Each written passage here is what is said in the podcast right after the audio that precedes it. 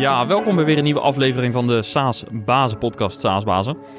Mijn naam is Johan de Wit, ik uh, host deze podcast en daarin ga ik in gesprek met uh, SaaS-bazen op zoek naar lessen en inzichten, zodat uh, we met z'n allen kunnen leren van elkaar. Ben je zelf een SaaS-baas en wil je onderdeel worden van de community? Word dan lid. Voor een bedrag van 300 euro per jaar steun je onze podcast niet alleen, maar je krijgt ook toegang tot de tweewekelijkse online meetup met andere SaaS-bazen. Ga naar saasbazen.nl om je lidmaatschap af te sluiten of uh, om wat meer informatie daarover te lezen. Ja, en deze podcast wordt mede mogelijk gemaakt door Leadinfo. Leadinfo is een SaaS-oplossing waarmee je ziet welke uh, bedrijven jouw website bezoeken. Um, wat natuurlijk handig is in een B2B SaaS-omgeving. Want je vergroot de kans op deals bij websitebezoekers die zelf geen initiatief hebben getoond, maar misschien wel geïnteresseerd zijn. Probeer Leadinfo 14 dagen gratis. Dan krijg je uh, toegang tot de volledige tool. En kun je kijken of uh, de tool ook toegevoegde waarde heeft voor jouw salesproces. Ga naar leadinfo.com slash saasbazen. Internationalisatie, dat is het thema van vandaag. Je hoort Emily Verbund van Dutch Basecamp en de oplettende luisteraar heeft deze naam waarschijnlijk al verschillende keren voorbij horen komen. Want een aantal SaaS-bazen uit de podcast hebben het Globalizer-programma bij hen uh, al eerder gedaan. En ik legde vragen uit aan de. Uh, ik legde wat vragen voor die uit de community naar voren zijn gekomen rondom uh, internationalisatie. En Emily uh, die uh, beantwoordt deze vragen in deze aflevering. En hoewel er geen silver bullet of vastomlijnde blueprint is voor internationalisatie, is er wel heel veel te leren van andere SaaS-bazen die die stap naar het buitenland al eens of misschien zelfs al vaker hebben gezet. Dus ik zou zeggen, luister mee, enjoy! Yes, Emily, van harte welkom. Dank je. In de SaaS Bazen podcast. Um, jullie naam, Dutch Basecamp, is al best wel vaak voorbij gekomen in de podcast. Er zijn best wel veel SaaS bazen die uh, nou ja, uh, met jullie hebben samengewerkt of die uh, programma's bij jullie hebben afgenomen. Dus ja, het werd wel echt hoog tijd om een keer om jullie uit te nodigen en om te praten over Dutch Basecamp. Um, zou je ja, kunnen vertellen wat jullie doen bij Dutch Basecamp en wat jouw rol daar, daarin is? Ja, leuk om hier te zijn. Um, nee, wij zijn bij Dutch Basecamp volledig gericht op het internationale succes van startups en scale-ups. Tech startups en scale-ups. En we helpen hen, wanneer ze daar ook wel echt klaar voor zijn, om internationaal uh, te schalen. Om die internationale strategie te bouwen. En dat is een beetje anders dan wat wij in 2013 deden toen we werden opgericht. Toen waren we echt focus op de VS. Keken we naar een aantal hubs in de VS, Silicon Valley, Boston, New York. En daar hebben we mentorennetwerken opgezet. Ze wilden een brug bouwen tussen Nederland en de VS. En ook leren van wat daar allemaal gebeurde. En eh, naast die mentorennetwerken, bestaande uit Nederlandse ondernemers die daar succesvol waren, organiseerden we ook een soort trips, ecosysteemtripjes, handelsmissies daar naartoe. Om netwerken te openen, om ook te leren van die ondernemers, maar ook om te leren van dat Silicon Valley ecosysteem. En dat was allemaal heel mooi. Maar we kwamen eigenlijk achter een aantal dingen. Namelijk dat punt 1 kunnen we dat Silicon Valley playbook helemaal niet kopiëren als Nederland, Nederlands, Nederlandse markt. Um, want we hebben natuurlijk een compleet andere, andere uitgangspositie. De Nederlandse markt is relatief klein. Dus we moeten al heel snel internationaal gaan met weinig resources. Zowel in kapitaal als in mensen. Ik bedoel, als je als Silicon Valley bedrijf internationaal gaat met je Series E van 200 miljoen, dan is dat iets anders dan wat wij doen met 10 FTE uh, de grens over. En dat is dus hele andere omstandigheden. Dus we kunnen dat helemaal niet kopiëren. Dus dat was al punt 1 waar we achter kwamen. Tweede was ook dat we ja, gewoon zagen dat er weinig werd voorbereid. Dus uh, niet echt met een gedegen strategie. VS uh, op het vizier, want dat is de big dream natuurlijk. Was toen ook heel logisch, hè? we keken allemaal die kant op. Maar er zijn natuurlijk heel veel markten dichter bij huis die veel beter zijn, eigenlijk veel makkelijker voor de Nederlandse ondernemer om te betreden. Dus echt die voorbereiding, daar miste ook een, een deel in. En toen hebben we een pivot gemaakt. En sindsdien, sinds een paar jaar geleden, zijn we volledig gericht op ja, echt die voorbereiding, het kiezen van uh, je volgende doelmarkt, het uh, bouwen van je go-to-market strategie. En echt in nog steeds die founder-to-founder learning, die echt de core is van wat we doen. Want er is geen, ik zei dat ook al net tegen jou, er is niet die silver bullet. Er is geen golden recipe, jammer genoeg. Maar we kunnen wel heel veel leren van ondernemers die, uh, die voor zijn gegaan. En nu zien we eigenlijk een soort voordeel. Uh, dat nadeel wat we hadden met die kleine thuismarkt, dat is er nog steeds natuurlijk. Maar we hebben nu zoveel om van te leren. Want er zijn zoveel Nederlandse ondernemers super succesvol in het buitenland op dit moment.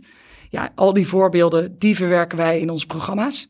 Um, we hebben dus methodologie, tools en programma's ontwikkeld om echt te helpen in die voorbereiding, om de juiste markt te selecteren, om die go-to-market strategie te bouwen. Ja, en, en wat heeft dat van, van jullie eigen organisatie gevraagd? Want eerst richt je dus heel erg op kennis en netwerk binnen de VS en op een gegeven moment uh, ja, moet jullie netwerk er dus ook heel anders uit gaan zien. Ja, die, dat moet inderdaad ineens veel meer over de hele wereld van aankomen. Dus we hebben veel meer Europese focus wel. Ja, en, en destijds was het ook echt dat valideren. Dus we zijn gewoon echt gaan kijken, wat is nou die vraag? Wat is die vraag in de markt? Uh, hoe moet je internationaal gaan? Wat zijn nou recipes voor succes, voor failure? Dus echt gaan praten met die ondernemers in al die landen en Nederlanders die in andere landen dan de VS ook zijn geschaald. Want de VS is niet zo'n makkelijke markt. Nee, en uh, betekent het ook dat je dus uh, door een ander netwerk op te bouwen, dat je dat, dat de vraag in de markt, dus bij die SaaS-bedrijven, dat die misschien ook is veranderd. Want als zij zien van hey, Dutch Basecamp en het hele netwerk om Dutch Basecamp heen focussen zich niet meer primair op de VS, misschien moeten wij ook wat dichter bij huis, bijvoorbeeld naar Duitsland, UK of weet ik veel welk land kijken. Of, nou, ik hoop dat, we die, uh, dat we die voorbeeldrol hebben, maar ik denk dat, dat omdat we steeds meer hebben kunnen leren van die ondernemers. Er zijn nu zoveel succesvolle Nederlandse tech- en SaaS-ondernemers wereldwijd gevestigd. Dat je inziet ook dat er veel andere markten zijn. En... Want wat is de vraag ook veranderd? Dat ook, dus, dus vragen SaaS-bedrijven. Uh, ook nog steeds om van nou, we willen gewoon naar de VS. help ons daarbij. Of is de vraag meer geworden van ja, we willen internationaliseren en welke markt moeten we kiezen bijvoorbeeld? Beide, maar ik, kan, ik, ik durf wel te stellen dat die veel meer inderdaad is nu... waar moeten we überhaupt heen? Hoe bepalen we uh, die markt? Maar ook als je eenmaal naar de VS wil, hartstikke goed. Uh, als je dat goed hebt gevalideerd. Maar hoe ga je die markt dan betreden? Met wat voor strategie? En um, ook gewoon niet overal naartoe gaan. Want focus, dat is wel het keyword van vandaag, denk ik. Maar dat, dat is natuurlijk de grote uitdaging, zeker voor SaaS-ondernemers. Ja, ja, dat, dat, nou, focus, dat is uh, sowieso een mooi thema. Komt vandaag waarschijnlijk inderdaad vaker terug. Um, misschien even een hele, een, een, een soort basisvraag, zeg maar, die, ik, uh, die mij ook regelmatig gesteld wordt. Uh, door SaaS-bazen die een product hebben wat helemaal self-service is, wat een relatief lage ACV heeft, hè, we zeggen beneden de 2000 euro per jaar. Um, en uh, die eigenlijk zeggen van ja, internationalisatie. Een SaaS-bedrijf is in de basis toch al internationaal. Ik kan toch gewoon, uh, als ik een website in het Engels heb, kan iedereen zich ter wereld aanmelden. Uh, ja, hoe, hoe gaan jullie om met zeg maar dat soort van paradigma, dat, dat SaaS in de basis al internationaal is? Ja, born, born global. Ja, ja, ja, nou dat dat, dat komt inderdaad heel veel voor. Dus de, meeste ondernemers, SaaS-ondernemers, die dat inderdaad voor zich hebben, die hebben niet uh, zelf ervaring met een ander SaaS-bedrijf hiervoor. Want zelfs Dirk Roos van Mendix en uh, zegt focus op een land, focus op een markt. Dus tuurlijk, je wil als SaaS-ondernemer wil je ook zo min mogelijk lokaliseren.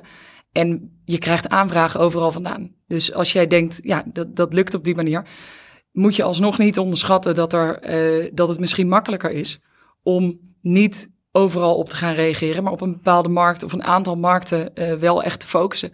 En als jij, je kunt denk ik wel stellen dat je eerder born global bent of een globale focus hebt als je enterprise sales doet. Want dan is het misschien één grote klant in een bepaald land voldoende.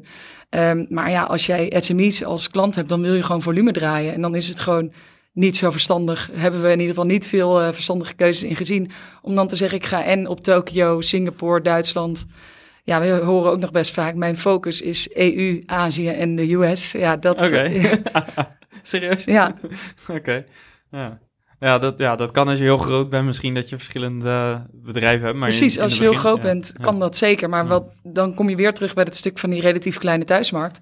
Als jij 10 FTE hebt of 20, 30, uh, als jij ook gewoon nog ontzettend aan het groeien bent in Nederland, waarom zou je dan in iets wat moeilijker is, nog meer gaan groeien? Ja, Ja, nou, er komen al heel veel vragen op. En uh, wat we vandaag ook gaan doen, een aantal vragen die uit de community naar voren kwamen rondom internationalisatie, die hebben we genoteerd. Daar gaan we ook uh, nog bij stilstaan. Uh, maar misschien is het goed om nog eerst even door te gaan op, die, op dat wat jullie doen. je noemt al, we hebben dus verschillende tools, programma's om bedrijven te helpen. kan je voorbeelden geven van hoe, zo, hoe ziet zo'n programma eruit en, en hoe worden die SaaS-bedrijven geholpen in zo'n programma? Ja, ja, zeker. Ja, ik, dan kan ik als beste voorbeeld onze, onze Globalizer nemen. En dat is een programma dat we nu, ik heb net uh, berekend, elf keer hebben gedaan. Um, en dat is een programma waarin een groepje scale-ups, zes tot acht, gaan in twaalf weken aan de slag in een soort pressure cooker uh, met hun internationale strategie. Dus het selecteren van de juiste doelmarkt, uh, het bouwen van je go-to-market strategie, het neerzetten van die schaalbare organisatie, waar moet je nou allemaal rekening mee houden. En heel veel van elkaar leren. Maar het is een combinatie van peer-to-peer learning, wat extreem belangrijk is natuurlijk. Um, coaching, dus we hebben 19 uh, coaches bij Dutch Basecamp. En dat zijn allemaal echt ondernemers met hands-on internationaliseringservaring. Ja, die, die, dat maakt natuurlijk wel echt een enorm groot verschil. Dus dat is een heel belangrijk aspect in alles wat we doen. Um, maar ook echt in die globalizer programma's. Dus daar krijgen ze individuele coaching van. En een aantal plenaire sessies. Dus het is een combinatie van theorie, van doordenk heel erg goed welke stap je gaat nemen, waarom je die markt kiest, hoe ga je dat valideren. Is die klant in Frankrijk hetzelfde als die klant in Duitsland? Daar gaan we echt mee aan de slag. En uh, ook een heel deel gewoon echt gaan doen. Hoe moet je dat dan straks echt gaan uitvoeren? Ja, dus de uitkomst na twaalf weken is echt een heel duidelijk plan van aanpak. Ja, is een, is een gevalideerde, zo goed mogelijk gevalideerde internationale roadmap. Dus niet eens alleen ik ga naar Duitsland om deze reden, maar ik ga binnen een jaar naar Duitsland met dit budget om deze en deze reden. Ik ga nee zeggen tegen aanvragen uit uh, Azië op dit moment. En over vijf jaar heb ik deze uh, MRR in de VS. Ja, en wat is het profiel van de bedrijven die hieraan meedoen? Uh, dus, of misschien beter gezegd, wanneer ben je als organisatie klaar om deze stap te zetten? Ja, dat is, dat is de hamvraag. Dat, die, die readiness, en zeker voor SaaS is dat natuurlijk nog uitdagender, omdat je vanaf het begin dus ja, ook ervan uitgaat bijna. Je hebt bijna gevalideerd dat je internationaal bent, omdat je aanvragen overal vandaan komen. Dus je ziet opportunities everywhere. Dus hoe ga je nou nee zeggen? Dat is, dat is natuurlijk heel erg moeilijk. Dus als jij uh, vanaf het begin af aan focus overal hebt, ja, dan moeten we eventjes kijken, heb je überhaupt product market fit in Nederland, in je thuismarkt? Dat is nummer één. Um, want als je die product market fit niet hebt, dan ga je dus aannames creëren die, die niet valide zijn. En dan ga je die aannames valideren, want dat is, dat is de aanpak die we bieden. Um, die dus niet kloppen. Nou, dan voor je het weet zit je in een verkeerde markt. Um, het tweede is denk ik ook echt heel belangrijk bij SaaS-bedrijven, is ook zo'n zo'n deel van aannames en product market fit, is heb je metrics op orde? Hoe ga jij zonder te meten uh, zo'n nieuwe markt in? Ja, dat zijn gewoon een aantal hele belangrijke punten. En het is dus een stukje product market fit, liefst recurring customers. Dus daar kijken we naar. We kijken naar uh, een stukje recurring revenue natuurlijk ook. Maar ook coachability dan hm. dat is ook echt van, van de founders. Van de founders, ja. die in het programma zitten. Dus willen ze delen, willen ze leren. Um, maar het allerbelangrijkste is, denk ik, je kunt dus niet zeggen het is zoveel FTE per se. Maar een profiel is een beetje rond de 30 FTE. Um, je hebt echt duidelijke product market fit in Nederland. Je hebt misschien al uh, best wel wat internationale klanten, maar je zoekt nu focus. Ja. Hoe ga je prioriteiten stellen? Ja, en uh, product market fit, uh, hoe meten jullie dat? Want ook daar hebben we nog wel eens een soort van definitieverschilletje over. Ja. In, in de hele branche eigenlijk. De, overal, hè? Ja, ja. nee, start-up, scale-up, dat is ook nog een dingetje. Ja. Maar ehm, nee, product market fit, ja, wij kijken dus echt gewoon naar... kun jij heel specifiek vertellen welk probleem je oplost, voor wie exact, waarom die jouw product koopt of niet koopt. En komen die ook terug. Dus uh, het kan ook zijn dat je product market fit hebt in één industrie in Nederland. Dat zien we natuurlijk ook. Hè. Veel SaaS oplossingen kunnen er zijn voor allerlei industrieën. Nou, dan zeggen we, kijk dan met die industrie waar je product market fit hebt, waar je die product market fit in een ander land gemakkelijk kunt krijgen. Ja, nou, en dan komt volgens mij de volgende puzzel. En dat zijn al die variabelen die bepalen uh, op, ja, eigenlijk de, de basisvormen van de beslissing om voor een bepaald land te kiezen. Want dat was ook, uh, misschien maak ik er nu een rommeltje van, dat was ook een van de vragen uh, die, ook binnenkwam. Van ja, um, als je internationaal wil gaan, hoe, ja, wat, wat is het moment? Dus dat is één natuurlijk, wat je net al zei. Maar op basis van welke kenmerken kan ik die readiness bepalen?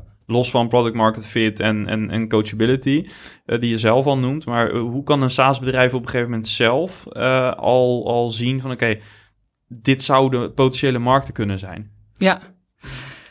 Ja, dan, dan kom ik wel weer terug op die product market fit. Want daar, als je dat heel goed kunt ontrafelen, dan weet je natuurlijk exact waarom, waarom die markt voor jou werkt. En um, we hebben daar een aantal handige tools voor. Ook, uh, die zijn ook gewoon voor iedereen beschikbaar. Is bijvoorbeeld Internationalization Canvas. En daar kun je kijken naar een aantal topics die je gewoon echt langs moet gaan voor jezelf. Om te kijken, wat zijn nou de factoren die aanwezig moeten zijn in een land om voor mij aantrekkelijk te zijn? Of om gemakkelijk product market fit mee te kunnen vinden? Nou, stap 1 is niet blind staren op de omvang van de markt. Market size. Ik wil naar de VS, want grote markt. Ja, klopt dat het daar stikt van de, van de SME's en potentiële klanten. Maar daar zitten ook, behalve dat het misschien veel geld gaat kosten, weer hele andere factoren die ook een rol spelen. Dus bijvoorbeeld regulation. Um, mag jij je data daar opslaan? Moet je je data daar opslaan? Voor SaaS-bedrijven natuurlijk enorm, enorm belangrijk punt. Ja. Um, dus dan denk je, ik kan overal server, maar als jij in de UK je data lokaal moet opslaan, nou, dan moet je eventjes uh, gaan nadenken of dat voor jou dan nog steeds aantrekkelijk is. Ja. Concurrentie, ja, dat is, uh, we snappen allemaal dat dat een rol speelt, maar ook dingen als pricing. Maar de allerbelangrijkste, die, die in ieder geval vaker over het hoofd wordt gezien, is welke niet, welk probleem los je op voor die klant in die nieuwe markt? Is het probleem überhaupt aanwezig? Um, dus kijk in Nederland welk probleem je oplost. Wat is nou de need van de markt specifiek? En zoek of die niet ook echt aanwezig is in, in die nieuwe markt en of die op dezelfde manier wordt ervaren. Ja, ja, want het kan dus zijn dat er, uh, uh, stel je hebt een product hier voor accountancy, dat is ook een mooi voorbeeld. Hè? Heel veel financiële oplossingen zijn, volgens mij, zeker als het om boekhouding gaat, wel moeilijker schaalbaar, is mijn ervaring. Uh, dat door bijvoorbeeld andere regelgeving, dat ja, natuurlijk heb je daar accountants. Alleen omdat de reguleringen zo anders zijn, heeft het dermate veel aanpassingen nodig aan je product of aan processen dat het een moeilijkere markt is. Ook al is die veel groter. Absoluut. Nee, ja, ik weet een voorbeeld van, van Dirk Roos van, van Mendix. Uh, die gingen natuurlijk naar Boston uh, met Mendix. En hij zei, ja, ik überhaupt uh, al heel interessant dat hij zei dat het was alsof we een nieuwe start-up moesten oprichten. En uh, in Benij denken nu allemaal Mendix, joh, super, born global. Uh, maar dat was echt nog wel een uitdaging. En ook omdat ze redelijk voorliepen op de markt. En hij kwam daar dus achter een aantal dingen, waaronder dat hij werd gevraagd in de VS om on-prem te draaien. Um, nou, dat is nogal even een uitdaging. En hij zei dat dat zijn dingen waarvan je denkt, daar denk je van tevoren niet over na. Dat je denkt, de VS grote markt. Um, maar ja, dat soort factoren spelen ook mee. Ja. Uh, zijn er nog andere dingen die heel erg over het hoofd gezien worden vaak? Um, als het gaat om het internationalisatieproces en de factoren die een rol spelen in die keus? Cultuur is wel echt, uh, als, je, als wij ondernemers vragen wat had je het meest onderschat, dan is het verschillen in cultuur. En dat is op verschillende, op verschillende manieren natuurlijk. Maar echt ook het onderschatten van het belang van een local naast je. Um, het onderschatten van de effecten van inderdaad cultuur. Dus bijvoorbeeld uh, uh, als je het hebt over samenwerken met partners of staan ze open voor buitenlandse start- en scale-ups. Dat soort dingen uh, kunnen gewoon echt cruciaal zijn voor je, ja, voor je succes in dat nieuwe land. Ja, en ook bijvoorbeeld sociale omgangsvormen kunnen daar een rol spelen, neem ik aan. Absoluut. En, en vooral als je daar niet... Wij zijn natuurlijk ongelooflijk direct als, uh, als Nederlanders. En dan denken we ook nog dat dat leuk is uh, ja. overal. Maar je hoeft je ook niet altijd aan te passen aan die cultuur... maar je moet je bewust zijn van die verschillen. En um, ik, ja, dat zijn gewoon hele belangrijke dingen. En één tip die ik de luisteraars wel wil meegeven... is om Aaron Meyer, de Culture Map, te lezen. Ik weet niet of jij hem uh, kent. Nee. Nou, dat is. Aaron Meijer heeft, uh, de schalen van Geert Hofstede um, gemapt, maar dan op businesscultuur toegepast. En het is, een, het is gewoon echt leuk om te lezen, heel herkenbaar. De Nederlander komt er natuurlijk de hele tijd in voor en niet al te goed vanaf. Maar zij, ja, ze laat zien hoe je bijvoorbeeld uh, een Mexicaans met een Japans bedrijf fuseert en wat daar dan allemaal bij komt kijken. En wij, als wij een project doen in het buitenland, we hebben een tijdje geleden een groot project gedaan in, in Oekraïne. Ja, dan map ik gewoon eventjes Nederland en Oekraïne tegenover elkaar uh, voordat ik zo'n gesprek inga. En dat kan gewoon net eventjes dat inzicht geven. Het gaat gewoon puur om, wees je bewust van die verschillen. Ja, ja, dat er ook geen verrassingen, dat je ook niet verrast wordt door bepaalde reacties of het uitblijven van een reactie. Het, precies, ja. het uitblijven van een reactie of ja. hoezo wordt er zo gereageerd of ja. um, de Nederlander die, die naar um, customer uh, of consumer electronics show gaat uh, in Las Vegas En dan twee weken later opvolgt met de Amerikaan. Ja, dan ben je hem gewoon kwijt. Ja. Ja, dat, uh, ja. Herken, dat is inderdaad herkenbaar. Um, en, en met cultuur, je zei meerdere opzichten. Bedoel je daar uh, ook mee dat eh, de, in je bedrijfscultuur dat daar uh, aandachtspunten zijn? Ja, dat als je inderdaad, als je natuurlijk nieuwe mensen gaat aannemen in de nieuwe markt. ja, daar, daar komen ook allerlei uitdagingen bij kijken. En um, ook een punt daarin is die schaalbare organisatie. Hoe schaal je cultuur? Uh, dus je zet een nieuw office op in, in Duitsland. Maar hoe zorg je daar nou voor? Nou, wij weten ook bijvoorbeeld, uh, volgens mij was dat uh, in de vorige podcast, uh, Educap Country Lead, die ook noemde, ja, ik ben vijf maanden op de headquarters in Lyon gaan zitten ja. om die cultuur op te snuiven. Ja, dat voorbeeld horen we heel vaak. Dus als je country leads aanneemt of sales reps, zorg ervoor dat ze even in je, in je home office zitten, in je headquarters zitten, om echt die cultuur te begrijpen en, en op te zuigen.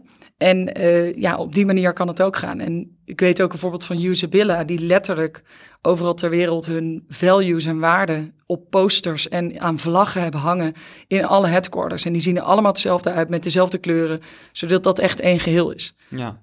En wat is de rol van uh, bijvoorbeeld de founder of uh, CEO in, in dat proces om die cultuur te bewaken? Ja, dat, dat hangt er ook vanaf of het, de, of het de founder of CEO is die dus naar dat nieuwe land gaat. Um, is het een country lead die je daar instelt? Want dan moet je natuurlijk wat extra tijd daaraan besteden. Sommige landen vragen ook veel meer om founder presence dan, dan andere landen. Welke landen zijn, die, zijn dat die, waar dat nodig is? Ja, in, in, we weten van, van, van de VS dat founder presence een, een belangrijke is. Um, ik, ik geloof dat Dirk Roos dat ook weer het founder DNA noemde. Als je daar echt gewoon een nieuwe start-up op moet gaan zetten, namelijk wat zij eigenlijk hebben gedaan. Um, ze waren een beetje voorloper op de markt, disruptief. Ja, dan moet je als founder uh, toch echt daar aanwezig zijn. En dat zie je toch wel veel vaker terug in de VS. Je kunt natuurlijk ook op en neer gaan vliegen, maar of je dat moet willen is de vraag. Um, Duitsland, daar heb je weer echt een local nodig. Iemand die Duits spreekt, iemand die het netwerk heeft, iemand die deuren opent, die de cultuur begrijpt. Wordt voor vanuit Nederland ongelooflijk vaak onderschat hoe grote verschillen we hebben natuurlijk met de Duitse businesscultuur. Um, en die moet wel hartstikke senior zijn en de founder moet soms aanwezig zijn, maar daar is juist weer uh, een local heel erg uh, nodig. Ja, dus uh, als het gaat over founder presence, hangt dus heel erg af van ook weer de, nou ja, de, cultuur in dat land. Um, met Jan had ik het er inderdaad ook over van, van Agicap, over hoe hij, zeg maar, dat, dat ook cultuur heeft ervaren. Uh, je noemt zelf ook als voorbeeld van uh, waarbij ze dus de waarde um, zeg maar, over heel de wereld hetzelfde projecteren. Uh, maar is het ook voorgekomen, of heb je ook voorbeelden van bedrijven waarbij je juist um, misschien daarin conflict komt juist. Want bepaalde waarden die misschien heel, hier heel erg logisch is in business, kan misschien uh, in andere werelddelen misschien juist wel conflicterend werken met een beetje de cultuur die daar heerst. Ik, ja, ik heb daar wel. Ik heb ook zeker vaker gehoord dat in Nederland hebben we heel vaak als een van de uh, dingen is bijvoorbeeld transparantie en mhm. openheid. En daar hoort dan impliciet bedoelen we gewoon, we zijn heel direct met onze feedback. Ja. En dat kan je heel erg helpen in een groeiend uh, bedrijf natuurlijk. Maar ja, als je dan naar de VS gaat of Azië, Azië helemaal aan de andere kant van het spectrum, ja, dan kan dat zeker voor problemen zorgen. Ja, en hoe kun je daarmee omgaan? Want de, ja, je zegt zelf al cultuur en de SaaS-bazen die ik gesproken heb, die hiermee bezig zijn geweest, die zeggen ook bijna allemaal cultuur is wat ik nog het meest heb onderschat. Ja. Want heel veel andere dingen kun je nog wel corrigeren. Als je bijvoorbeeld de verkeerde prijzing of zo hebt, dat is nou, tot op zekere hoogte nog wel te, te, te, corrigeren. Maar cultuur is echt vanaf, dat moet je bijna vanaf dag één goed doen. Of anders kost het je heel veel hersteltijd. Ja, ja de, daar moet je dus echt gewoon echt goed op voorbereiden. En zeker als je nadenkt over landen die heel anders zijn dan Nederland. Of landen waar je zelf helemaal niet bekend bent. Ja. ja dan is, verdiep je daarin en praat met anderen van tevoren. En ik zou dan vooral aanraden om te praten met ondernemers die zelf die ervaring hebben. Dus als jij nu naar uh, Zuid-Europa gaat. Want daar wordt al vaak uh, gedacht dat is nog steeds Europa, dus dat lukt wel. Maar als je naar uh, Spanje gaat om zaken te doen, is dat toch echt heel anders. Dus praat dan even met een ondernemer die zelf al actief is in Spanje. Ja. Ja, dit raakt ook een vraag die Jan-Martijn Broekhoff stelde. Ehm, en dat was, welk land wordt het vaakst over het hoofd gezien Uh, maar is wel kansrijk voor Nederlandse SaaS-bazen. En ik zou hem nog misschien een kleine extra of twist willen geven. Um, omdat het op Nederland lijkt. Dus de, daar ben ik ook op benieuwd naar. Dus welk land lijkt er ook op Nederland? Ja. Uh, qua cultuur, zeg maar, wat wij misschien soms negeren. Ik vind het een, een land. Kijk, welk land wordt vaak onderschat. Is zo, het is zo ongelooflijk specifiek voor jouw bedrijf. welk land je naartoe zou moeten gaan. Um, ik weet wel welke er allemaal worden overschat.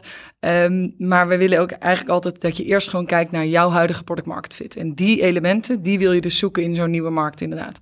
Nou, als ik het wel algemeen zal nemen, dan weten we dat in Denemarken. Uh, dat lijkt op Nederland, ook qua omvang. Uh, een hele goede stepping stone voor de rest van de Nordics. Dus we zien heel vaak ondernemers die willen de hele Nordics veroveren en die starten in Denemarken. Want daar kan je ook heel goed nog met Engels uh, wegkomen. Het is dichtbij. Dat zijn dan toch gewoon factoren. Um, de Denen qua cultuur lijken ze dus ook echt op ons. Heel erg consensual ook in hun decision making. En als in Denemarken, als ze daar je product hebben gekocht, dan wordt het toch echt makkelijker voor Zweden en Noren om uh, ook jouw product te gaan kopen. En, en dat is een beetje ja, het idee ook weer van, van de bowling alley. Dat is zo'n principe in de, ja, eerst Denemarken en dan de rest. En uh, dit wordt ook gezegd, maar goed, bij alles wat ik zeg vandaag uh, zijn er 3000 kanten. Um, en dat is ook, hè, daarom moeten we met voorbeelden werken. Maar Oostenrijk, um, ook eerst Oostenrijk en in Oostenrijk kleine thuismarkt. Vanuit daar weer Duitsland verder in. Ja, ja, ik snap het ook, hè, dat je inderdaad zegt van ja, uh, het, het, is zo situatiespecifiek. Um, want ook dat uh, vanuit de achtergrond en de ervaring die ik heb bij een redelijke hoeveelheid startups en, en scale-up zie je ook dat ja, die context zo bepalen. En ook bijvoorbeeld die go-to-market strategie is natuurlijk van, van, van grote invloed hierop. Um, heb, je, uh, heb je zelf voorbeelden van uh, nou, verschillen eh, van bedrijven die meerdere go-to-market strategieën moeten hanteren in verschillende landen? Ja, ja, absoluut. Kijk, als SaaS-bedrijf wil je zo min mogelijk lokaliseren. Dus um, daar, dat is je uitgangspunt. Als dat je uitgangspunt is, wat het voor iedereen is, uh, denk ik als SaaS-ondernemer, dan wil je eigenlijk op zoek naar landen waar je een soort gelijke product market fit zal gaan hebben als in je thuismarkt. Um, dus dat is stap 1 in die zin. Dan zou het zo moeten zijn dat je go-to-market strategie, um, die moet je altijd lokaliseren, maar dan heb je het meer over processen. Um, dus ik weet van een voorbeeld van, van Splashtop, is een uh, Amerikaans uh, remote access tool, ook uh, SaaS onderdeel. Um, een van die, de GM EMEA is, is een van de experts in onze programma's en hij deelde dat bijvoorbeeld in Moldavië als we het over telefonie hebben, hebben ze het over 3G. Nou, dan wordt die enorm gelimiteerd natuurlijk als remote access tool. Dan moet je daar dus omheen gaan werken. Nou, dat is een onderdeel in je go-to-market wat al een uh, vrij groot stuk uh, lokalisatie uh, betreft. Dan heb je het natuurlijk ook weer in het ene land werk je misschien wel met partners, in het andere land niet. Dus hoe ga je nou daadwerkelijk je product aan de man brengen? Um, je hebt waarschijnlijk, maar dat weet jij misschien beter dan ik, ook verschillende marketingstrategieën nodig in verschillende landen. Um, je moet dingen lokaliseren zoals gewoon taal. Uh, wat ook gewoon nog echt wel vaak wordt onderschat van ik kan in het Engels wegkomen. Zal op heel veel plekken prima kunnen. Uh, maar misschien kun je nog beter worden en beter opgepakt worden als je wel in het Duits uh, aan de slag gaat of in het Frans in Frankrijk. Ja, ja, zeker. Hier zijn veel voorbeelden van, uh, inderdaad. Ook uh, uh, landspecifiek. Um, je gaf eigenlijk uh, al aan over die go-to-market strategieën. Dat je, uh, nou ja, er, zijn dus, ook, ook daar zijn dus veel variabelen. Um, als je, ja, dat was, ik probeer hem ook even te combineren met een vraag die ook binnenkwam via ons netwerk. Dat is eigenlijk ook eentje die je net zelf al benoemde, even snel. Um, die, die partnersstrategie of, of direct sales. Dus Um, de vraag is hier letterlijk, gezien mijn ervaring uit het verleden, ben ik benieuwd of de afweging direct of indirect sales een keuze is en hoe de afweging te maken. Mm. Um, dus is het zo dat je altijd kiest voor een partnerstrategie ook op het moment dat je dat hier doet? Of zou je, uh, zie je daar verschillen in? Zie je dat er bijvoorbeeld bedrijven uit jullie netwerk uh, hier bijvoorbeeld juist met uh, indirect sales werken en uh, dat ze dat in andere landen juist niet moeten doen? Dit is zeker een keuze. En zou je ook echt per land moeten bekijken en eigenlijk al bij je marktkeuze. Een aantal aspecten in meenemen, want dat maakt natuurlijk ook heel veel uit. Als je hier een partnerstrategie hebt, um, dan heb je daar misschien ervaring mee en wil je dat ook ergens anders. Als je je direct sales doet, dan wil je kijken, kan dat ook ergens anders? Um, dat is namelijk gewoon voor die Nederlandse start-up met gelimiteerde resources. Hè, want daar hebben we het nu over. Kijk, als je bakken met geld hebt, kun je alles lokaliseren en, en, en gaan proberen. Uh, maar als je het lean en mean wil gaan doen, um, ja, dan moet je gewoon kijken wat is de strategie die ik nu hanteer. Uh, kan ik die in een andere markt ook hanteren? En uh, daar zijn wel een aantal afwegingen in die, die je kunt nemen, want er zijn natuurlijk zoveel ja, factoren die daarin meewegen. Het is afhankelijk van je product. Um, van je huidige strategie inderdaad. Doe je nu alleen direct? Doe je nu alleen indirect? Doe je beide? Uh, daar moet je natuurlijk naar kijken. Je kijkt überhaupt naar je strategie. Wil jij heel snel naar de markt? Of wil jij, heb je een hele langdurige strategie voor één land? Ja, of Red Ocean, Blue Ocean kan meespelen, kan ik me zo voorstellen. Ja, absoluut. Of, of cultuur. Uh, Zijn ze partner-friendly? Want dat was een van de voorbeelden ook die, uh, die Dirk Roos noemde over de VS. Partner-friendliness in de VS. Um, hij zei, ja, we hadden eigenlijk als go-to-market strategie in Nederland partnerfocus. Dus hij vloog naar de VS en uh, het eerste wat hij ging doen, part of their playbook, zeg maar, uh, was het zoeken van partners. Maar dat bleek gewoon totaal niet te werken uh, in de VS. Omdat hij zei, ja, die vertrouwensrelatie is heel anders dan wat wij in Europa hebben. Dus ze waren niet zo partner-friendly. Nou, dan moet je dus je volledige strategie gaan omgooien naar direct sales. Um, dan moet je mensen gaan aannemen. Je bent een start-up zonder naam in de VS. Succes. Um, dat, ja, daar, daar, dat vergt wel iets heel anders in je strategie. Andere afweging is, is bijvoorbeeld marges. Um, ben jij bereid om een deel van je marge af te staan aan een partner? Kun je dat überhaupt? Ja. hoe complex is je product? Kun je dat overbrengen aan de partner en kan de partner dat ook overbrengen aan de eindklant? ja, dat zijn natuurlijk een aantal dingen. En ik denk ook dat daar de speed to market noemde ik net ook al. Dat is ook zo'n punt. Want kan jouw legal team, als je al een legal team hebt, het aan om die partnership overeenkomst te sluiten, te hanteren? Het is gewoon niet morgen gebeurd. En, en dat zijn echt wel een aantal hele belangrijke afwegingen. Ja. Um, ik weet ook van enterprise sales dat er uh, een double touch strategie wordt gehanteerd. Uh, in cybersecurity zie je dat heel veel, waarbij je dus wel een soort poppetje in de markt hebt. Kan de country lead zijn of iemand anders. En die geeft de sales, de leads als warme broodjes aan de reseller, aan de partner. En dat kost ook wat. Hè? Dus dat zijn afwegingen die je moet maken. Maar als dat de beste strategie is, ja, je moet gewoon kijken voor jezelf wat werkt. Maar dus ook niet in iedere, iedere markt werkt hetzelfde. Nee. Uh, als ik het zo hoor en ik tel het een beetje bij elkaar op, dan, uh, uh, nou ja, het woord valt nog een keer variabelen, dus heel veel variabelen. Um, zijn er ook manieren, los van bijvoorbeeld de tools die jullie bieden, Canvas, Globalizer, zijn er ook manieren om wat proefballonnetjes op te laten, om wat te experimenteren, zonder dat je inderdaad, nou ja, inderdaad maanden beslissingen moet nemen, ver vooruit moet kijken, grote investeringen moet doen om zo'n stap te maken?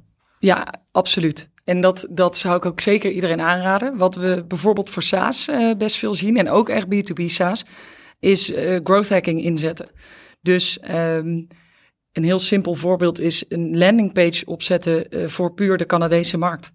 En via LinkedIn. Um, ga, gebruik Sales Navigator en ga berichten sturen zoals je dat in Nederland ook zou doen.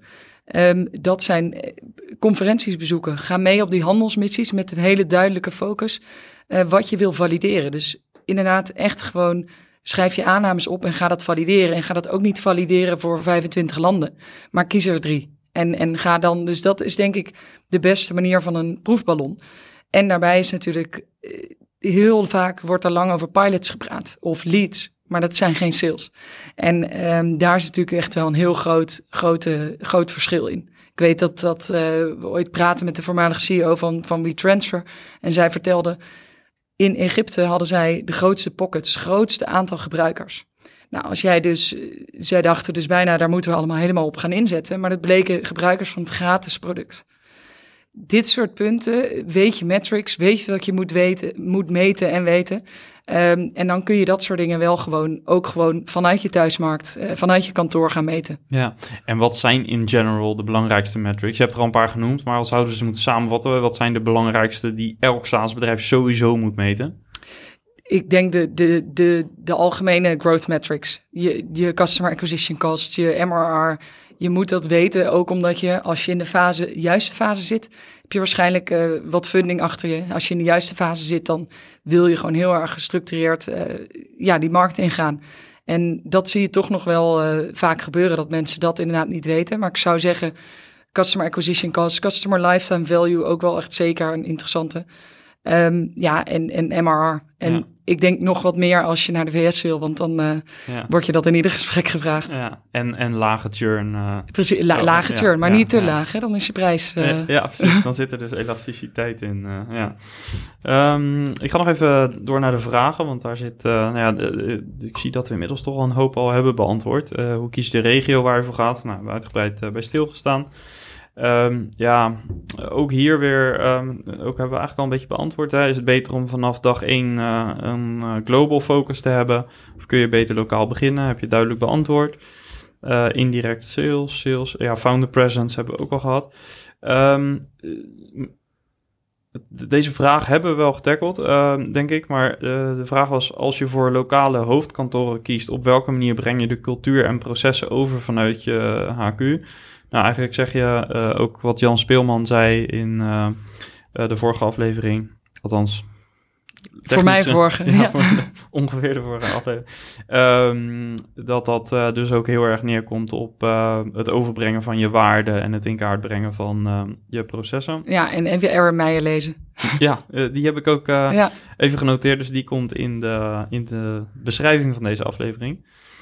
Um, de volgende ging ook over cultuur. Uh, ja, dit was gewoon ook wel een aardige. Er staat bij, uh, ik ben hier nieuwsgierig naar. Zien jullie dat er sinds COVID, en staat dus haaks bij het remote tijdperk, uh, het eenvoudiger is geworden om internationaal te gaan? Of misschien juist niet. Dus zijn ja. er veranderingen? Nou, we hebben natuurlijk online. We, we gaan online. Dus sommige lijntjes zijn korter. Ehm, je merkt dat wel, merken we in sommige programma's. Dus we deden toen COVID voor het eerst toesloeg, uh, deden we een programma voor smart logistics bedrijven. Dus uh, allemaal bedrijven in een super traditionele sector. Um, die willen allemaal naar Duitsland. En dan zit je dus en in uh, best wel traditionele businesscultuur in een hele traditionele sector. Um, daar moest echt alles face-to-face. -face. En dat, die hoorden wij ook echt wel praten over dat er nu toch wel een eerste touchpoint online kon. Of dat er bepaalde dingen online konden. Ja, dat versnelt natuurlijk wel een validatie- of verkoopproces. Dus ik denk wel dat dat op sommige dingen sneller gaat. Um, wij doen ook niks voor niks eh, best wat cybersecurity programma's. Ja, die, die uh, markt gaat natuurlijk uh, als een speer. Ja. Um, dus ik denk wel dat de communicatie scheelt, maar je moet daar wel je bewust van zijn. Ook dus misschien wel weer wat voor landen. Um, we doen een project voor Europese start-up scale-ups naar India. Ja, in India moet je elkaar gewoon zien. En dat is ook nog eens een hele andere cultuur. Dus je wil even wat dingen aanvoelen. En dat kan gewoon niet altijd uh, via Zoom. Dus daarin zie je dat het weer vertraging kan oplopen. Ja, ja dus dat zou elkaar een beetje kunnen opheffen bijna. Ja, ja, dan, ja. ja. en uh, soms dan wil je het juist gewoon face-to-face doen. Ja, ja, ook om dus die cultuur al op voorhand beter te kunnen toetsen of dat past bij uh, nou ja, de, de, dat wat jij kunt als bedrijf. Ja. ja. Um, uh, hoe ga je om met prijzing in verschillende werelddelen? Um, en ik ken een beetje de context achter de vraag. En het gaat ook over, uh, dat stond er ook bij, met verschillende welvaartsprofielen. Dus ja, je prijzing kan daar uh, denk ik best wel uh, een soort verschillende impact hebben dan. Ja. hebben jullie daar tips voor? Nou, ik ben wel blij met de vraag, want dat, dit wordt denk ik heel vaak onderschat. je denkt, ik... 300 euro per maand is mijn abonnementsmodel. En dan is dat gewoon wat het is. Want die prijs hebben we niet voor niks bepaald. Um, we, ja, weer terugkomend op dat, dat project voor de Indiaanse markt. Dus uh, we hebben een aantal Europese scale-ups in ons programma daar, uh, hier in Europa. En die bereiden we dus voor om een strategie te bouwen uh, en te valideren ten eerste of de Indiaanse markt de juiste is voor hen. Pricing is een van de onderdelen waar je überhaupt naar moet kijken als je een markt selecteert. Zou moeten kijken. Uh, ik ga niks hier opleggen.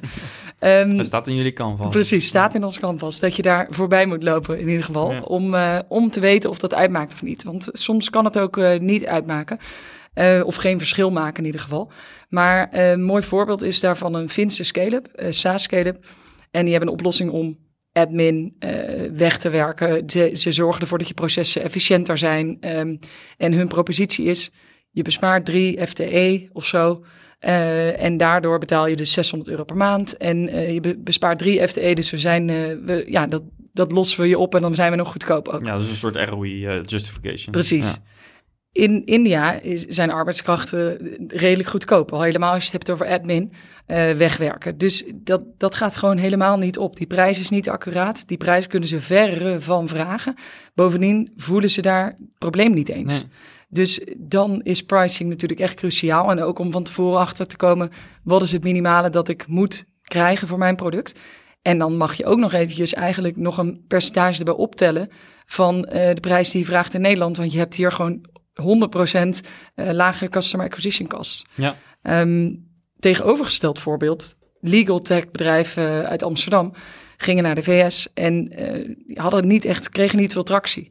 En uh, totdat ze hun prijs omhoog gooiden. Uh, in de VS werden ze namelijk, ze werden gewoon niet serieus genomen voor die lage prijs. Oh, wow. Ja. Ja, en dan wordt zo'n markt nog aantrekkelijker. Ja. Dus als je al weet, kan ik een hogere prijs vragen, dan is het misschien nog meer de moeite om naar die markt toe te gaan. Ja, Gave voorbeelden dit. Ja, mooi als je zo kort uh, daarop zit. Ja, ja dat ja. is de, de joy of my job, denk ja, ik. Dat ik uh, over in de keuken mag kijken. Ja, ja. schitterend. Ja, mooie, mooie voorbeelden. En uh, waardevol om die voorbeelden ook te, te horen. Um, even verder door de vragen. En ja, dit, dit vond ik ook wel interessant. misschien dat we hem tussen de regels door een beetje beantwoord hebben, maar zien we het dan als samenvatting. Uh, ook van Jan Martijn. Ik ben benieuwd welke drie overeenkomsten jij ziet bij de organisaties die je in de afgelopen jaren hebt begeleid. Leuke vraag. Ja. Um, dat is Jan altijd Martijn, bij Jan? Martijn. Ja. Altijd. Ja. Um, de, de absoluut een aantal positieve is natuurlijk... We zitten in een fase waarbij ze product market fit hebben, als het goed is, in Nederland. In een enorme groeifase. Dus um, ze willen harder groeien. Ze zien kansen overal. Uh, hebben veel op gut feeling gedaan en willen dat nu gaan balanceren met, met wat hardere data, zoals wij dan zeggen. Um, dus het is vaak, dus als, als ik gewoon echt kijk naar de founder, dan is dat echt een onderdeel. Staan er ook voor open om dus te leren van anderen. Um, een andere overeenkomst is natuurlijk dat ze dus wel al die kansen overal zien. Um, en dat er wel wat, wat, ja, wat, watzelfde valkuilen, uh, daar proberen wij ze natuurlijk voor te behoeden. Uh, maar zoals, oh, ik ga naar Duitsland, want dat ik stap in de auto en dat is makkelijk. Of uh, die cultuur lijkt op de onze, of België. Oh, we doen België en Nederland in één. Um, ik denk dat dat zijn overeenkomsten, dus geen focus hebben. En dat is doordat je dus die opportunities ziet, je gut feeling. zeg maar eens nee tegen een hele mooie aanvraag uit Tokio. Um, en dus ik denk dat die focus, ja, lack of focus. Um, tegelijkertijd, ja, als ze in onze programma's zitten, dan zijn ze natuurlijk al wel uh, op de goede weg, omdat ze er inzien dat ze die prioriteiten moeten gaan stellen. Ja. Dus ik denk dat dat een aantal hele belangrijke zijn om, uh, ja, om mee te nemen. Ik denk nog een derde is wel, ook als we weer terugkijken op dat, wanneer ben je nou klaar om te internationaliseren? We hebben die kleine thuismarkt, maar Nederland voor zeker als je SaaS-bedrijf bent dat, dat verkoopt aan SME's. Wij zijn Nederland MKB-land. Als jij dus nog enorm kunt groeien, in, als je nog 100% per jaar aan het groeien bent in Nederland, dat zien we ook nog veel. En dan willen ze naar het buitenland, terwijl dan is het toch echt wel makkelijker om nu eerst even keihard te blijven schalen in Nederland. Dus niet te vroeg gaan. En ik denk dat we dat ook wel veel zien. Dat is soms ook een uitkomst van, van ons programma is, ik moet eerst nog harder schalen binnen Nederland. En dat is ook een hele prima uitkomst, want dan hebben ze wel dat hele proces doorlopen. En uh, ja, wij gaan ze dat ook niet vertellen. Dat moet je zelf als founder voelen. Door met een aantal andere ondernemers ook in gesprek te gaan hierover. Ja, en zelf tot het inzicht te komen in plaats van Precies. dat het je verteld wordt. Ja. ja. ik denk dat dat zoiets zo altijd uh, waardevol is. Um, ik denk zo'n beetje de laatste vraag van Hans Bobeldijk. Hij vraagt, ik ben benieuwd waar je technisch gezien rekening mee moet houden qua uh, GDPR. Dus concreet moet je direct voor uh, Amerikaanse klanten de data in een datacenter in de US hebben. Um, en bij welke gebieden moet je hier vooral scherp op zijn? Technische vraag uh, hier. Maar nou, ik, ik, ik, kijk, ik weet dat dit verschilt per land. En dat je natuurlijk zelfs nog voor, voor de Duitse markt uh, specifiekere GDPR-aanscherping hebt dan de rest van Europa bijvoorbeeld. In de VS inderdaad, ja, er wordt zelfs wel eens door klanten en nog niet één soort land geëist dat je, dat je je data lokaal opslaat. Ik weet het van de UK, dat het daar, en zeker bij Brexit nu, nog moeilijker is om je data terug te krijgen. Ja, dat, dat zijn lastige punten. Hiervoor zou ik echt aanraden, ga, hiervoor, ga hierover in gesprek met een ondernemer uh, die je voor is gegaan in die andere landen. Uh, om te kijken wat, ja, waar je gewoon met de juiste GDPR-wetgeving wegkomt of niet. Ja.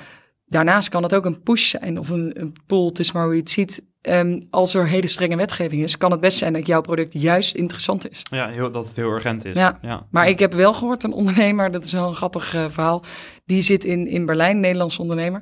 En die zei dat ze dus in Duitsland hebben ze dus al überhaupt een aangescherpte GDPR-wetgeving.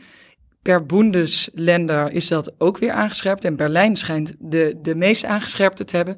En daar loopt, heb ik gehoord, een man rond met een snor. En die komt gewoon op de, op de deur van je kantoor kloppen. Om gewoon je archief in te kijken. Of je uh, goed aan de GDPR-regels voldoet. Dat is intimiderend. Ja. ja, en dat, als je dat soort dingen weet, dan ja. Uh, ja. Maar wel fantastisch als je dan in Berlijn zit en je hebt het daar op orde. Want dan zou het in de andere dat delen ook uh, meteen goed moeten zijn, zou je zeggen. Dat denk ik ook, ja. Als die man met die snor langs ja, geweest, als je dan... die voorbij bent, dan zit je goed. Ja. Oké, ja, interessant. Ja, leuk dat dat uh, soort anekdotes dus ook bij jou uitkomen. Uh, leuk, uh, volgens mij hebben we daar wat overeenkomsten. Ik krijg natuurlijk ook heel veel van dit soort inkijkjes. En ja, zeker op internationalisatie levert dat denk ik mooie verhalen op. Ja, en we moeten, we moeten ook op die voorbeelden bouwen. Ja. En dat is ook um, hoe, hoe wij de ondernemer het beste kunnen helpen, maar überhaupt uh, er wordt enorm veel aan paid forward gedaan op dit moment in Nederland de afgelopen jaren.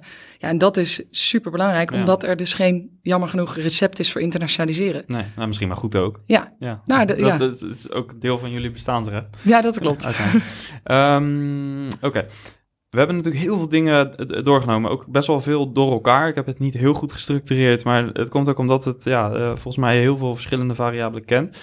Uh, maar is er nog iets, een, een bepaalde casus die je zou willen delen misschien? Of een, een scenario die, wat je wilt delen waar je heel veel van geleerd hebt? Waarvan je denkt van dat is interessant voor de SaaS-bazen die luisteren. Ja, honderden voorbeelden waar we. Eh, ik, ik heb net ook niet voor niets Dirk Roos hier drie keer gequote. Ja. Uh, ik vind dat een super relevant voorbeeld op verschillende gebieden. Uh, omdat zij dus redelijk uh, goed bezig zijn en, en over de hele wereld zitten. de VS, wat iedereen's droom is. En ik weet nog wel, no, ik, ik, ga hem gewoon nog een keer quoten. Want ik weet één voorbeeld dat ik echt. Um, wat misschien niet eens het meest baanbrekend is, maar het zet je wel op een goed spoor qua denkwerk van is dus, um, zij gaven aan concurrentie. Bekijk altijd naar je concurrentie in de nieuwe markt. Maar bekijk ook dat als iets positiefs of negatiefs. Hè? Nou, we, stellen ook heel vaak de vraag van uh, concurrentie in een ander land, is dat goed of niet? Meningen altijd verdeeld. Dat is ook verdeeld. Dat hangt er namelijk af wat voor type concurrentie. Nou, wat, er, eh, wat er bij hen aan het geval was, er was geen concurrentie. Dat betekent dat je zo extreem, nou niet eens disruptief bent, maar je bent een nieuwe markt aan het openbreken. Heel erg Blue Ocean. Enorm. En je moet dan dus die markt gaan educaten. Ja. Um, hij, zei, hij gaf daaraan, oké, dan moet je dus daar tijd in gaan stoppen. Maar punt twee, er zijn geen bestaande budgetten. Nee. Um, er zijn geen budgetten voor jouw product, dus daar kun je niet intappen. Je lead times gaan een keer, weet ik veel wat. Um, dus een manier om te kijken naar, naar concurrentie. Uh, concurrentie bekijken is iets redelijk makkelijks te doen vanaf ook je thuismarkt. En dat is denk ik echt gewoon het allerbelangrijkste. Start daar nou mee. Als er geen concurrenten zijn, is dat niet een goed teken. Uh, je wil eigenlijk liefst dat je een soort dat je mee kan op een golf. Dus niet dat je de golf zelf hoeft te maken, maar dat je mee kan op een golf die al gaande is. Ja. Dat je een beetje dis net beter bent en disruptief bent van een soort incumbent. En dat, uh, ik denk dat, ik vind dat zelf altijd een mooie kaas, omdat het dus concurrentie, iedereen denkt, ja, dat weet ik wel dat dat belangrijk is. Maar het geeft veel meer weer dan alleen hè, word je in de weg gezeten of niet? Het kan zelfs een vorm van een validatie zijn. Zeker. en en nu zie je heel veel impact startups, eh, heel veel duurzaamheid startups natuurlijk uh, opkomen. Die hebben daar best een uitdaging in. Want als zij dus, uh, dat is een, een nieuwe markt overal. Uh, als ze duurzaamheid softwareproduct aanbiedt. Dat is een nieuwe markt. Zijn daar al budgetten? I don't know. Um, je hebt veranderende wetgeving overal. Dat, dat komt er dan ook nog bij kijken. Ja, dat, als je te veel voorloopt op de markt, dat wil je ook niet. Ja. Uh, wederom herkenbaar. Want ik ken inderdaad ook voorbeelden van bedrijven die inderdaad te veel, dat die moeten eerst twee, drie jaar gaan educaten. En dat uh, ja, kan tonnen tot miljoenen kosten, afhankelijk van de grootte. Ja. En uh, ja, dat moet je wel kunnen en ook willen als bedrijf. En misschien is er wel een markt waar, het, waar dat helemaal niet hoeft. Ja. Klopt. dat gaan mensen dus mee onder andere ontdekken als ze dat canvas gaan invullen. Dat zou een eerste stap kunnen zijn. staat op jullie website natuurlijk, dus kan, kan iedereen naartoe. Um, als mensen meer willen weten over jullie programma, um, hoe kunnen ze bij jou uitkomen? Um, ja, ik, denk, uh, ze mogen mij gewoon allemaal benaderen. Uh, nou, dat is ook echt zo. We gaan graag in gesprek met de ondernemer die echt in de juiste fase zit. Uh, we zijn ook een social enterprise. Wij zijn er voor de ondernemer. dus die mogen altijd gewoon direct in contact komen. En natuurlijk ik denk ook via jou, uh, Johan. Zeker weten. Um, En uh, via onze website dutchbasecamp.org. Want ik denk, er komt nu een... Uh, we hebben een spannend uh, avontuur zelf. Uh, Dutch Basecamp gaat ook internationaal. Ja, dus uh, wij, wij, moeten ook een goede internationale strategie hebben, ook al zijn wij geen uh, SaaS-bedrijf. Maar anders zijn we een beetje de, de longarts die buiten staat te roken. Dus dat, dat moeten we ja, voorkomen. nou ja, als wij nu helemaal onderuit gaan, dan... Uh, ja, dat is wel ja, spannend. Ja, ja, misschien moeten we dat vastleggen. Ja, dat um, Maar goed, we gaan dus internationaal en dat doen wij door onze globalizer voor SaaS... Europe, Europees breed open te stellen. Dus volgend jaar gaan we er twee organiseren. En uh, ja, we hebben daar heel erg veel zin in. Want dat wordt dus ook, als je het hebt over, als jij binnen Europa wil groeien. Ja, wat is er nou interessanter dan met een peer uit Frankrijk, terwijl jij naar Frankrijk wil, in zo'n programma te zitten? Ja. Daar verwachten we ook heel veel uh, ja, peer-to-peer learning en dat daar heel veel uit gaat komen. Want je hebt meteen een toegang uh, tot een netwerk. Ja. Um, dus als, uh, als je denkt, ik heb product market fit, ik loop tegen een aantal uitdagingen aan, waaronder hoe ga ik nou focus aanbrengen? Uh, welk land ga ik uh, betreden en op welke manier? Ja, dan uh, mogen ze heel graag bij ons aankloppen. Ja, nou, ik weet dat je in aanloop naar deze aflevering wel drie keer hebt benadrukt... ik wil niet pitchen en, en, en dat soort dingen. maar dan doe ik het voor je. Ja. Want ik weet dat er ja, meerdere mensen uit de community... best wel een redelijke hoeveelheid... en natuurlijk Jan Aleman ook, die bij jullie betrokken ja. is als coach... maar vooral ook deelnemers van eerdere Globalizer-programma's dat die echt altijd heel, echt, echt heel erg enthousiast zijn. En dat triggerde mij elke keer, want ik heb eigenlijk nog nooit iemand gehoord die zei van, nou, het heeft me niet zoveel opgeleverd. Het is altijd heel positief en dat vind ik, ja, uh, super gaaf om te zien. Um, en uh, nou ja, dat, ja, credits ja, aan jullie. Nou, dus, dank je. Ja, we zijn daar ook vrij opgebrand wel echt om ook zelf wel continu te verbeteren, heel erg vraaggestuurd te werken. En, en dus die founder-to-founder -founder learning. Ik denk dat dat, ja. dat wij nooit vertellen hoe het moet, maar dat wij 16 voorbeelden geven. Um, en je echt die tools aanreiken. Ik denk dat dat de kracht is van het, uh, van het programma. Ja, ja, ik denk dat de ondernemer ook zo wil leren. Ja. Ja, ja, ja mooi. Um, ben ik nog iets vergeten te vragen? Want uh, nogmaals, ik was op een gegeven moment uh, in, in alle vragen ben ik misschien soms wat overgeslagen. Maar is er nog iets wat je wilde delen? Nee, ik denk dat uh, ik vind het een mooie ontwikkeling om te zien dat er ook zoveel vragen in jouw podcast komen over internationaliseren. Dat dat zo speelt, dat speelt eigenlijk natuurlijk al jaren, maar we zien de afgelopen jaren dat dat. Um, dat mensen inzien dat dat nog zo gemakkelijk niet is. En dat is denk ik iets heel goeds, want we kunnen op een hele makkelijke manier van elkaar leren en bepaalde valkuilen niet een tweede keer uh, intrappen. En ik denk dat dat super belangrijk is. En ik wil ook uh, een oproep doen aan de SaaS-ondernemers die al heel erg succesvol zijn internationaal om blijf je lessen nou delen. Ja. Um, want daar valt zoveel van te leren. Ja. En die pay it forward cultuur is gewoon extreem belangrijk. Ja, en het is ook heel leuk om te doen. Heel leuk. ja, helemaal goed. Super, uh, onwijs bedankt voor uh, het inkijkje. En uh, ik zal zorgen dat uh, de resources die je hebt genoemd, ook de culture map, dat die ook in de show notes te vinden zijn. Dus nogmaals dank. Jij bedankt. Ja, en dat was uh, voor mij persoonlijk een heel leerzaam gesprek. Ik hoop dat dat uh, voor jou ook het uh, geval was. Er kwam heel veel voorbij. En wil je wat meer weten, ga dan even naar de website van Dutch Basecamp. Ja, en wil je volgend jaar tijd besparen met je HR en salarisadministratie, ervaar je dat gewoon als een hoop gedoe. Met de eenvoudige tool van Employees, een Nederlandse SaaS-oplossing, regel je eigenlijk je volledige personeelsadministratie binnen 6 minuten online.